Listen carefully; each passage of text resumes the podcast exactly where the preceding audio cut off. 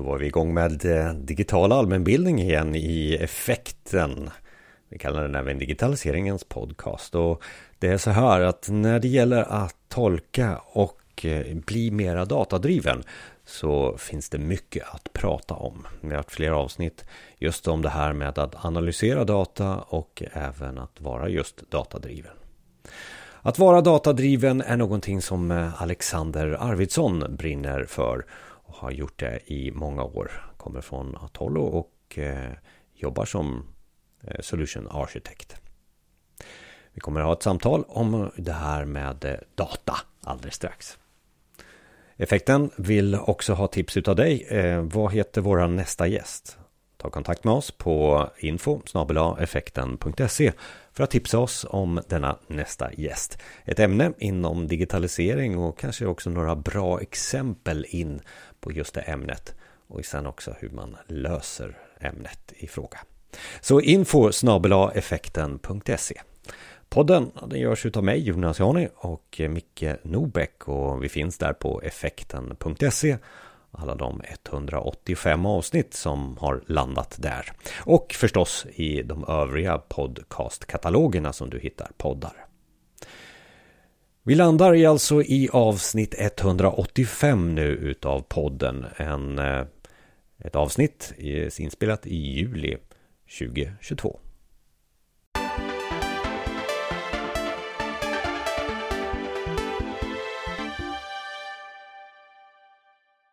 Välkommen till Effekten där vi pratar datadriven idag. Och eh, Alexander, det här med att vara datadriven, det har varit ett ämne som vi har tagit upp flera gånger i podden. Men idag vad, vad, vad är det lite annorlunda skulle jag vilja påstå. Så vad är att vara datadriven för dig?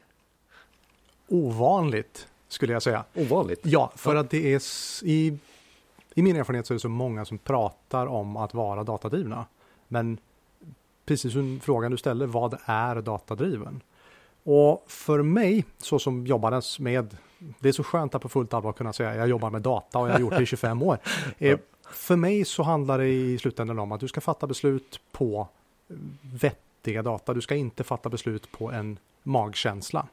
Jag tror samtidigt som det är farligt att bara titta på data, för magkänsla är en datapunkt också. Mm. Men när det är dags att fatta beslut, då måste du ha en möjlighet att titta tillbaks. Hur kom jag fram till det här beslutet? Det, det baserar sig på följande datapunkter helt enkelt. Men nu, jag tror vi måste backa bandet och ta eh, ordet separat här, data. Om vi tar data till att börja med. Eh, är inte det bara siffror?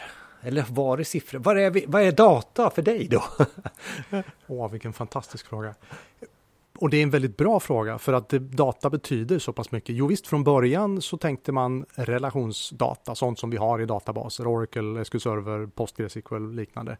Men egentligen allting idag är data, vilket är väldigt positivt och väldigt negativt. För det finns ingen korrelation mellan mycket data och användbart data.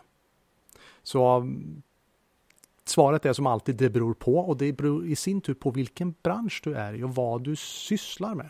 Säljer du glass så är det inte samma sak som om du säljer stridsflygplan. Och, och, här någonstans kopplar jag lite till förra avsnittet som, som faktiskt heter datadriven. Men, men, men, om man tittar lite och lyssnar på det avsnittet så var det mera utifrån eh, exemplifiera marknadsföring och data.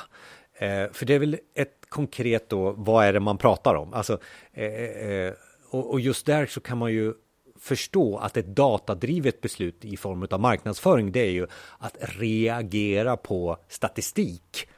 Eh, annonser till exempel för att ha det absolut enklaste eh, exemplet där. Att reagera tillbaka på vilket resultat man får av en publicering till exempel.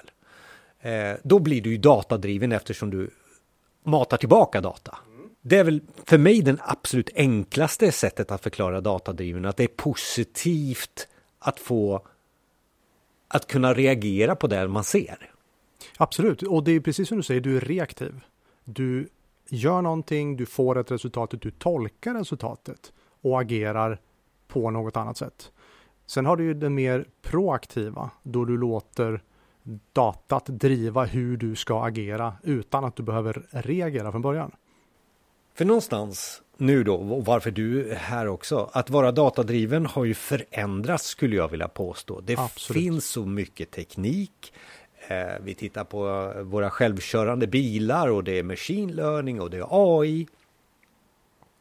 Allt det här blir en enda sörja utav data som jag sen ska reagera på för att bli datadriven. Mm.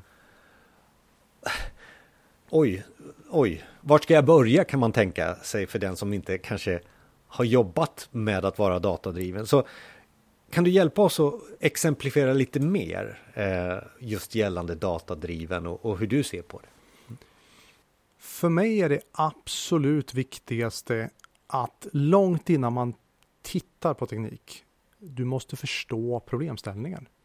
Och den, det är två, två delar. Dels så måste du förstå rätt, rent tekniskt vad är det du försöker lösa. Och det andra är att du måste förstå den domän du verkar inom. Eh, byggnadsvård är extremt skilt från försäljning. Är extremt skilt från hotell. Så det som, som är så himla vanligt är att folk antingen kan du verksamheten eller så kan du tekniken men väldigt sällan mötas till två. Så det skulle vi säga är det första. Och nästa steg som nog är egentligen det svåraste, det är att fundera på, du sitter med en jättestor låda legobitar. Men du vet inte A, vad du ska bygga och du vet framförallt inte vilka bitar som ingår i just den här legobyggsatsen. Så att, att börja sålla och ta bort data som du egentligen inte behöver. Och då är vi lite grann tillbaks på vad Joni Ive på Apple sa. Att du har lyckats när du, har, när du inte kan ta bort mer. Så du tar bort så mycket som möjligt så att du har bare minimum. Sen börjar du därifrån. För om du sitter med två petabyte data, då du ser inte skogen för alla träd. Och det, det, du säger också, det, liksom, det, det, handlar om teknik och det handlar också om förståelse för sin egen. Eh, men, men det är väl bara att köpa in ett verktyg och sen så har vi löst det. Eller så tittar vi på våran konkurrent, vad den har för verktyg och hur den har löst det. Absolut. Men, absolut? Jaha, nej, absolut inte. Det tenderar att gå på näsan. Ja. Och varför brukar det gå sönder? Därför att ett verktyg är, vi kan säga så här, kan, kan en hammare bygga ett hus? Nej. Men kan en hammare användas för att bygga ett hus? Ja, vad är skillnaden? Ja, om jag ska hålla hammaren, då blir det inget hus. Men om vi ger hammaren till någon som är duktig på att hantera en hammare, då kan det bli ett hus. Så i slutändan så handlar det inte om teknik, det handlar om människor. Du har varit med och, och stöttat kunder eh, och kanske också att du står på den tekniska sidan utav det hela. Men du har varit med och, och, och påverkat kunder till att ta datadrivna beslut utan att nämna några kundnamn och sådär. Men, men kan du ge några exempel på där det har varit gott, ett gott resultat enligt dig? Mm. Alltid lika spännande vad man kan och inte kan säga, men flera flera gånger då, ja vi kan ta, ta ett exempel och det handlar om, eh, om byggnader, real estate. Där man hade en känsla för var tar, vad är, var tar kostnaderna vägen? Och det här är inte speciellt komplicerat när man börjar titta på det. Men om du inte vet, du har en stor kostnadsmassa, men var tar den vägen? Vad är det som, som driver den här kostnadsmassan? Och att då börja plocka in information från allehanda sensorer för att avgöra vad är det som drar el?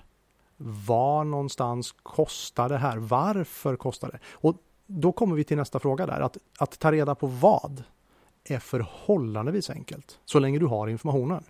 Men varför? Det kräver en tolkning och det kräver en förståelse för datat du tittar på. Men i det här fallet så ville man minska kostnader av rent ekonomiska skäl och dels ur ett miljöperspektiv. Man ville få ner mängden el eh, Eh, och uppvärmning som man gjorde. Och genom att då ta reda på var någonstans tar pengarna vägen, vad är det som drar el, så valde man att byta ut ett stort antal gamla eh, tvättstugor. Och det är en rätt stor insats. Men du kan visa svart på vitt att de här drar så här många kilowatt under den här tiden. Det innebär de här pengarna. Byter vi ut det här, ja, då har vi sparat in det utbytet på tre månader. No-brainer.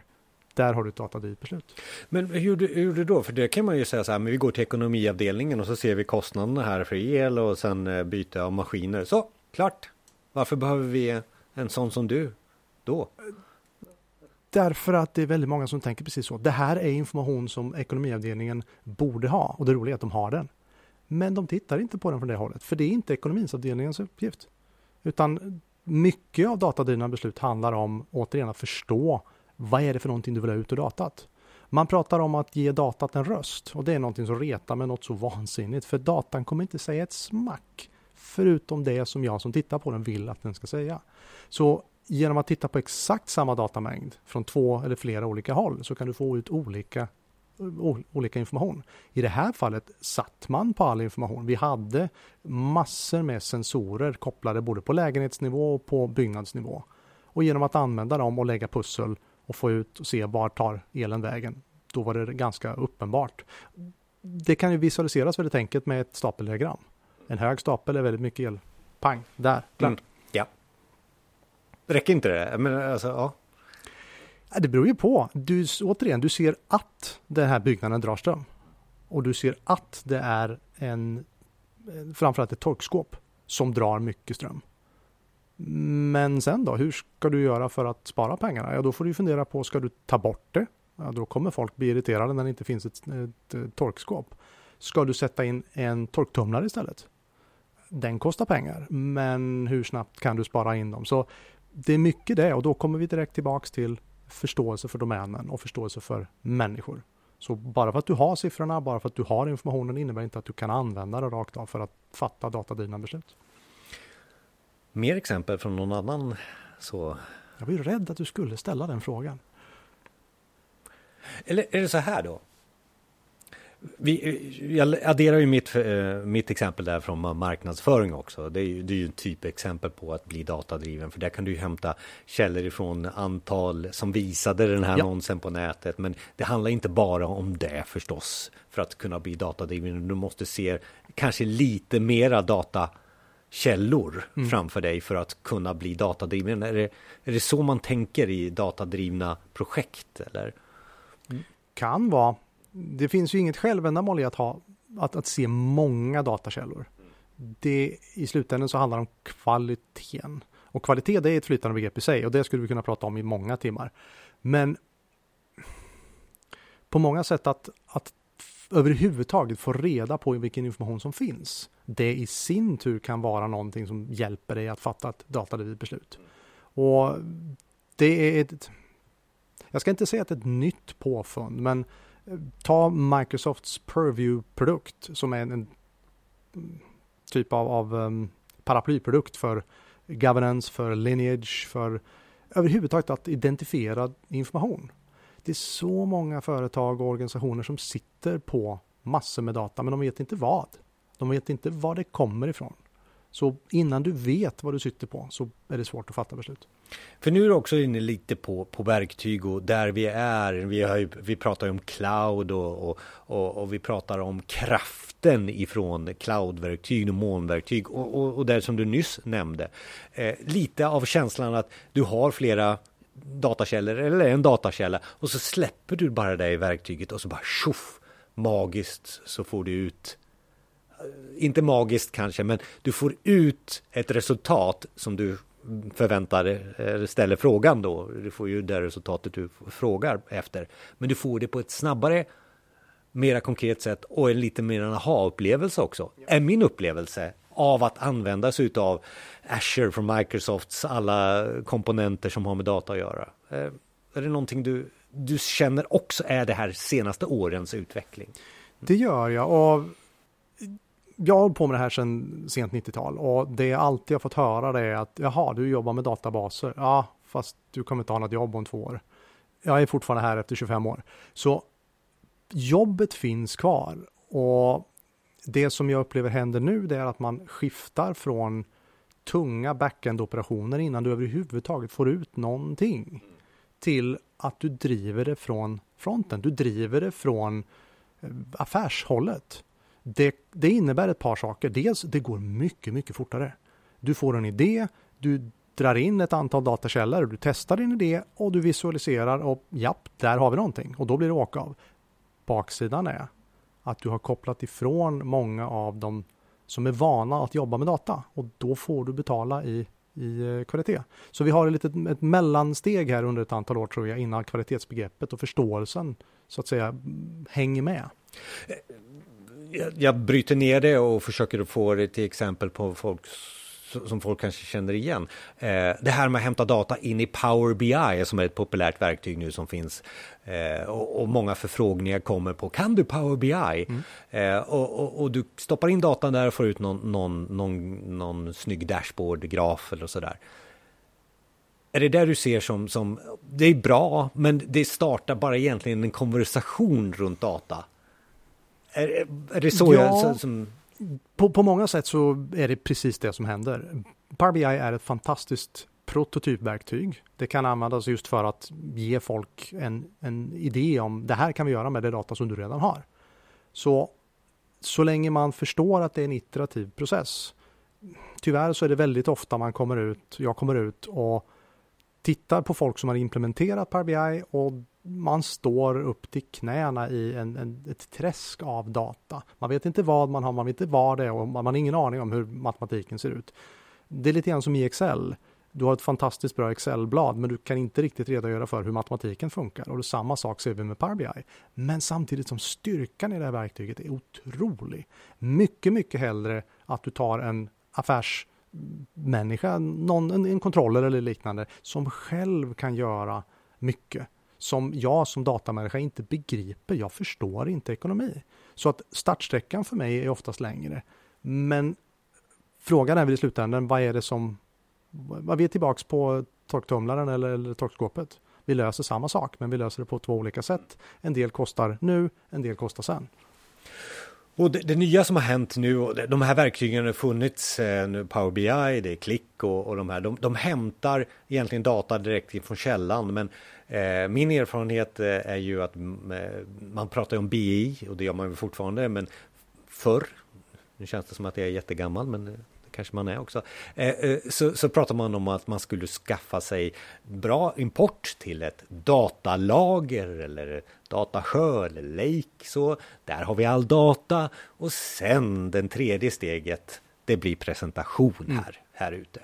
Men då, då blir det lite så här då med de här nya verktygen. Presentationen är allt.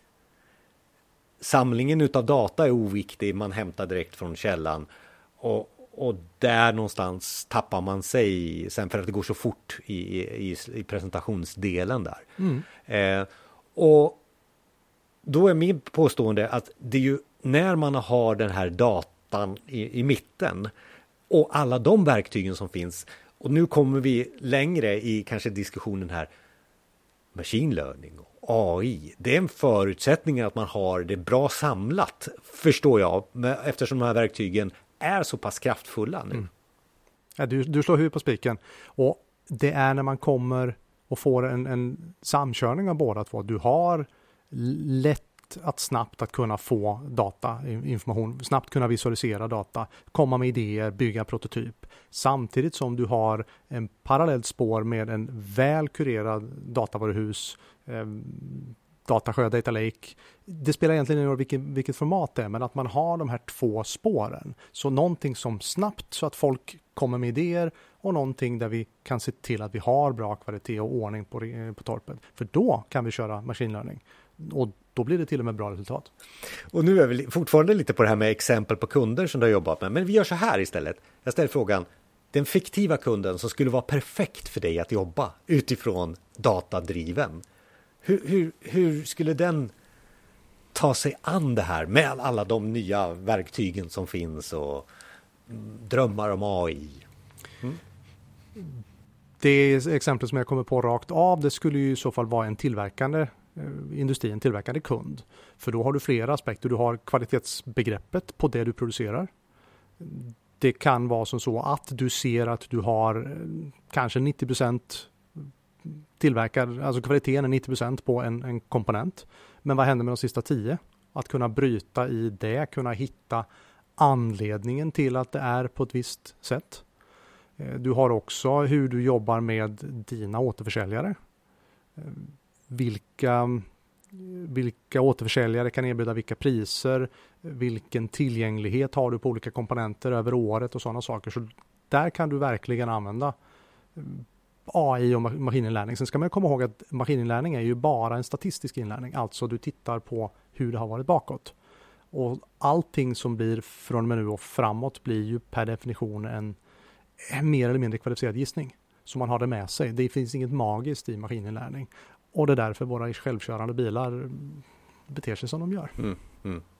Så, så, om, jag, om jag tolkar din, den perfekta kunden som du skulle vilja jobba med, det är den som gör det så pass bra analys av den data man har så att man kan vända och vrida på den utifrån alla typer av aspekter. Men också att man kan ta den datan och skapa det som är machine learning och, och, och kanske också göra en prediktion på vad som ja. kommer hända här sen. Precis. Det är första steget som, som, som många ska ta nu, tycker du? Personligen så är jag ytterst skeptisk till maskininlärning och prediktion som den ser ut idag. Mycket för att det är otroligt mycket hype. Och det finns så pass lite förståelse för vad det egentligen är. Vilket gör att ja, men vi kastar in lite maskininlärning på det så löser det sig. Och det kunde inte vara längre från sanningen. Rätt använt, otroligt kraftigt verktyg. Fel använt, vansinnigt. På grund av hur vi funkar som människor.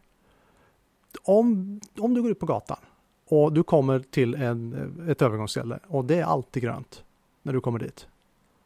En dag så är det inte grönt för den är avstängd. Du kommer gå som om det är grönt. Vi lär oss, vi människor lär oss mönster. Och om jag visar dig en algoritm som fyra gånger ger dig det resultat du förväntar dig, den femte gången kommer du tro på den även om den är helt uppåt väggarna. Och det är lite grann det som är problemet. Vi kanske inte kan härleda hur vi kom fram till ett, ett värde eller kom fram till, till ett beslut. Så jag ser att det finns en omvänd korrelation. Ju viktigare beslutet är, desto mindre ska du lita på en maskininlärningsalgoritm. Oj, oj. Hur ska man tänka? Hur ska man bygga? Och det kanske också är sista klämmen på, på den här intervjun som ger oss bara kanske mer frågetecken och vi, vi vill utforska vidare. Men, men, men för att bli datadriven som är något positivt eh, för alla organisationer. För att, att driva ett företag framåt genom att ta beslut på, på data är ju att, att verkligen se en sanning på något sätt, i alla fall för, för mig. Så hur ska jag liksom ha för mindset då, eller tanke eller steg in? Om du har den här trepunktslistan. Ehm, som, som jag sa först, förstå problemställningen. Ehm, Förstå problemställningen ur ett tekniskt perspektiv och ur ett domänperspektiv. Vad är det för någonting vi jobbar med? Nästa steg, se till att ha kompetensen och har du den inte, skaffa den antingen på egen hand eller använd anställ folk eller plocka in konsulter. Det är viktigt att komma ihåg, speciellt i, i, idag när allting går så hiskeligt fort, att vänder du ryggen till så ändras någonting och går du på semester då har de byggt om alltihopa. Vilket gör att det kanske inte är lämpligt att linjeorganisationen ska sitta på den absolut senaste kompetensen. Köp den istället. Eller anställ en, en specialist som bara jobbar med det. Och den tredje, eh, var inte rädd att stanna upp och lyssna på eh, din personal, på eh, verksamheten. För i slutändan så spelar inte IT någon roll. Det finns inget självändamål i IT utan det är bara en stödfunktion för verksamheten. Och det är så himla lätt att man tappar, tappar sikte. Och sen ska man också komma ihåg att bara för att någonting var på ett visst sätt igår innebär inte att det är imorgon. Så man måste vara beredd att skifta. Ja, och den sista frågan är ju då, men, men vad är det som har hänt nu med, med, verktygen som gör att vi sitter här idag och pratar om att det här med att datadriven, det är nu, det är nu vad är det som har hänt? Alltså, vi nämnde molnet, eller jag nämnde molnet. Men, men vad, vad, är det som har hänt? Alltså, varför? Jag skulle säga att det är två saker. Den ena är eh, moln och det innebär då att du kan köpa på kran. Du måste inte längre beställa någonting, vänta tre månader, ta fram någon med halvtaskig hygien som ska installera den och kanske om ett halvår så får du igång grejerna. Du kan klicka igång och vara redo att köra på på fem minuter. Och det andra är att det är så oändligt mycket lättare idag. Jag kan koppla mig mot vilket Salesforce som exempel. Jag, med, med, fyra klick så kan jag plocka in data från min instans av, av, Salesforce till Power BI och kunna direkt rita grafer eller Excel om jag vill göra det.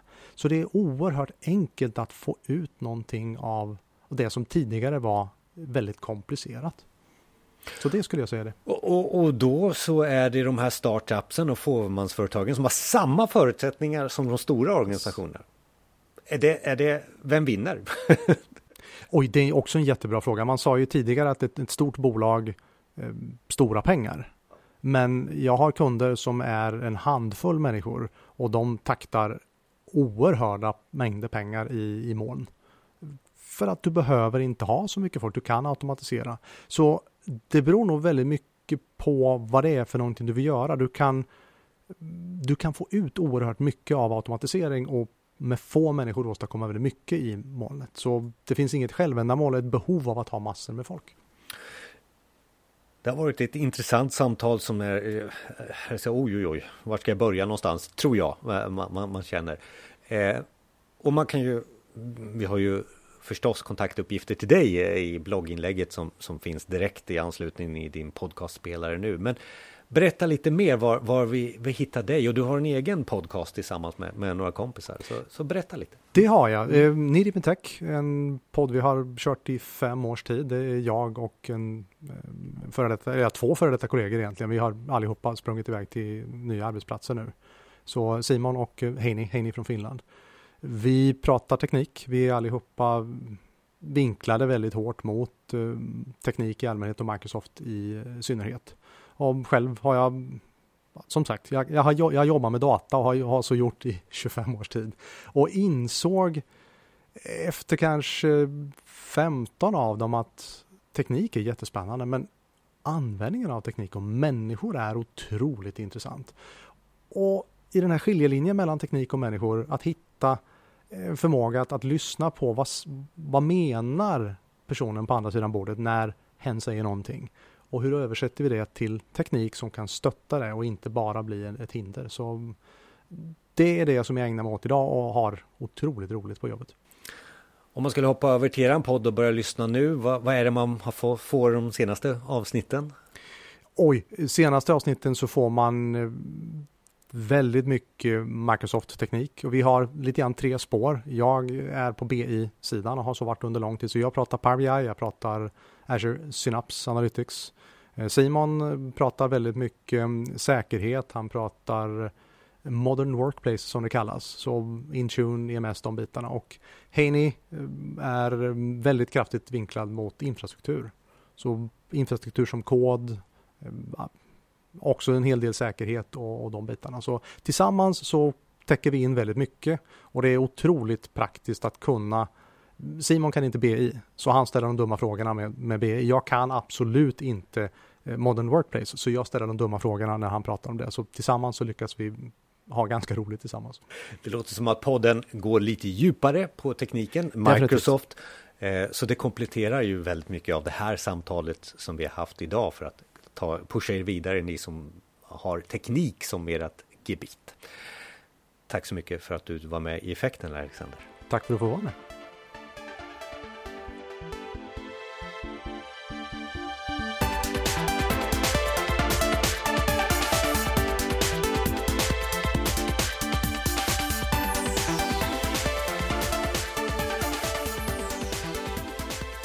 Kontaktuppgifter och mer om eh, Alexander finns nu direkt i din podcastspelare eller på effekten.se. Bland annat eh, länken där till hans podd som han är med i. Och mer avsnitt på effekten.se. Där har vi också livesändning dygnet runt. Vi kallar det Effekten Radio där vi har samlat avsnitt till dig så du slipper att välja. Effekten Radio alltså på effekten.se radio. Och sen våran kontakt, det kan du få då via eh, e-post till exempel, info effekten.se för tips och feedback och kommentarer på podden. Jag är Jonas Jani och Micke Nobäck gör också den här podden. Vi tackar för oss idag. Ha det så bra. hej